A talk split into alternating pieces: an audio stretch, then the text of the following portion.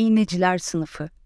Türkiye'nin en önemli liselerinden olan İstanbul Erkek Lisesi 1925 yılında enteresan bir olaya sahne oldu.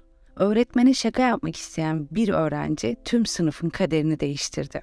İstanbul Lisesi'nin 10. sınıf öğretmeni Salih Hoca ile öğrenciler arasında garip bir olay gerçekleşir. İstanbul Lisesi'nin 10. sınıfı öğretmen sandalyesine bir iğne yerleştiren öğrenciler pusuya yatıp Salih Hoca'nın iğnenin üstüne oturmasını izleyeceklerini düşünürler. Öğretmen zil çalınca o sınıfta dersi bulunan Arapça öğretmeni Salih Hoca sınıfa giriyor.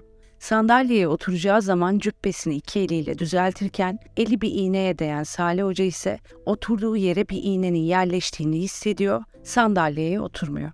Deftere imzasını attıktan sonra ben bu muameleye layık değildim. Sizlere çok teessüf ederim diyerek dershaneyi terk eder. Meseleyi müdür Besim Bey'e bildiriyor ve istifasını veriyor. Ondan sonra hızlıca araştırmaya geçen disiplin kurulu işin failini bir türlü bulamıyor. O sınıfın dersleri durduruluyor ve araştırmalar devam ediyor. Fakat hiçbir öğrenci itirafta bulunmuyor. Sonrasında 1925 yılının öğretmenler toplantısı düzenlediği gün öğretmenler odasında çaylar içilirken odaya birden müdür ile lisenin güvenliği içeri giriyor ve müjde veriyor. Muhterem hocamız Salih Efendi'nin sandalyesine iğneyi koyan iğneci sınıfının tamamen ihracına karar verdik. Çünkü failini ele vermiyorlar diyor. Sonrasında ise sınıftaki 41 öğrenci İstanbul Erkek Lisesi'nden Bursa Lisesi'ne sürgüne gönderiliyor. Olaydan seneler sonra ise Salih Hoca'nın sandalyesine iğneyi koyan kişinin başka bir sınıftan olduğu anlaşılıyor. Ama iğneciler olarak adlandırılan ve Bursa'ya sürgüne gönderilen sınıf ise çoktan mezun oluyor. 1925 yılının 10. sınıfı yani iğneciler arasından kimler çıktı? 228 Sait Efendi. Arkadaşları arasındaki lakabı H2O yani Sulu Said. Ünlü hikayeci Said Faik Abasıyanık.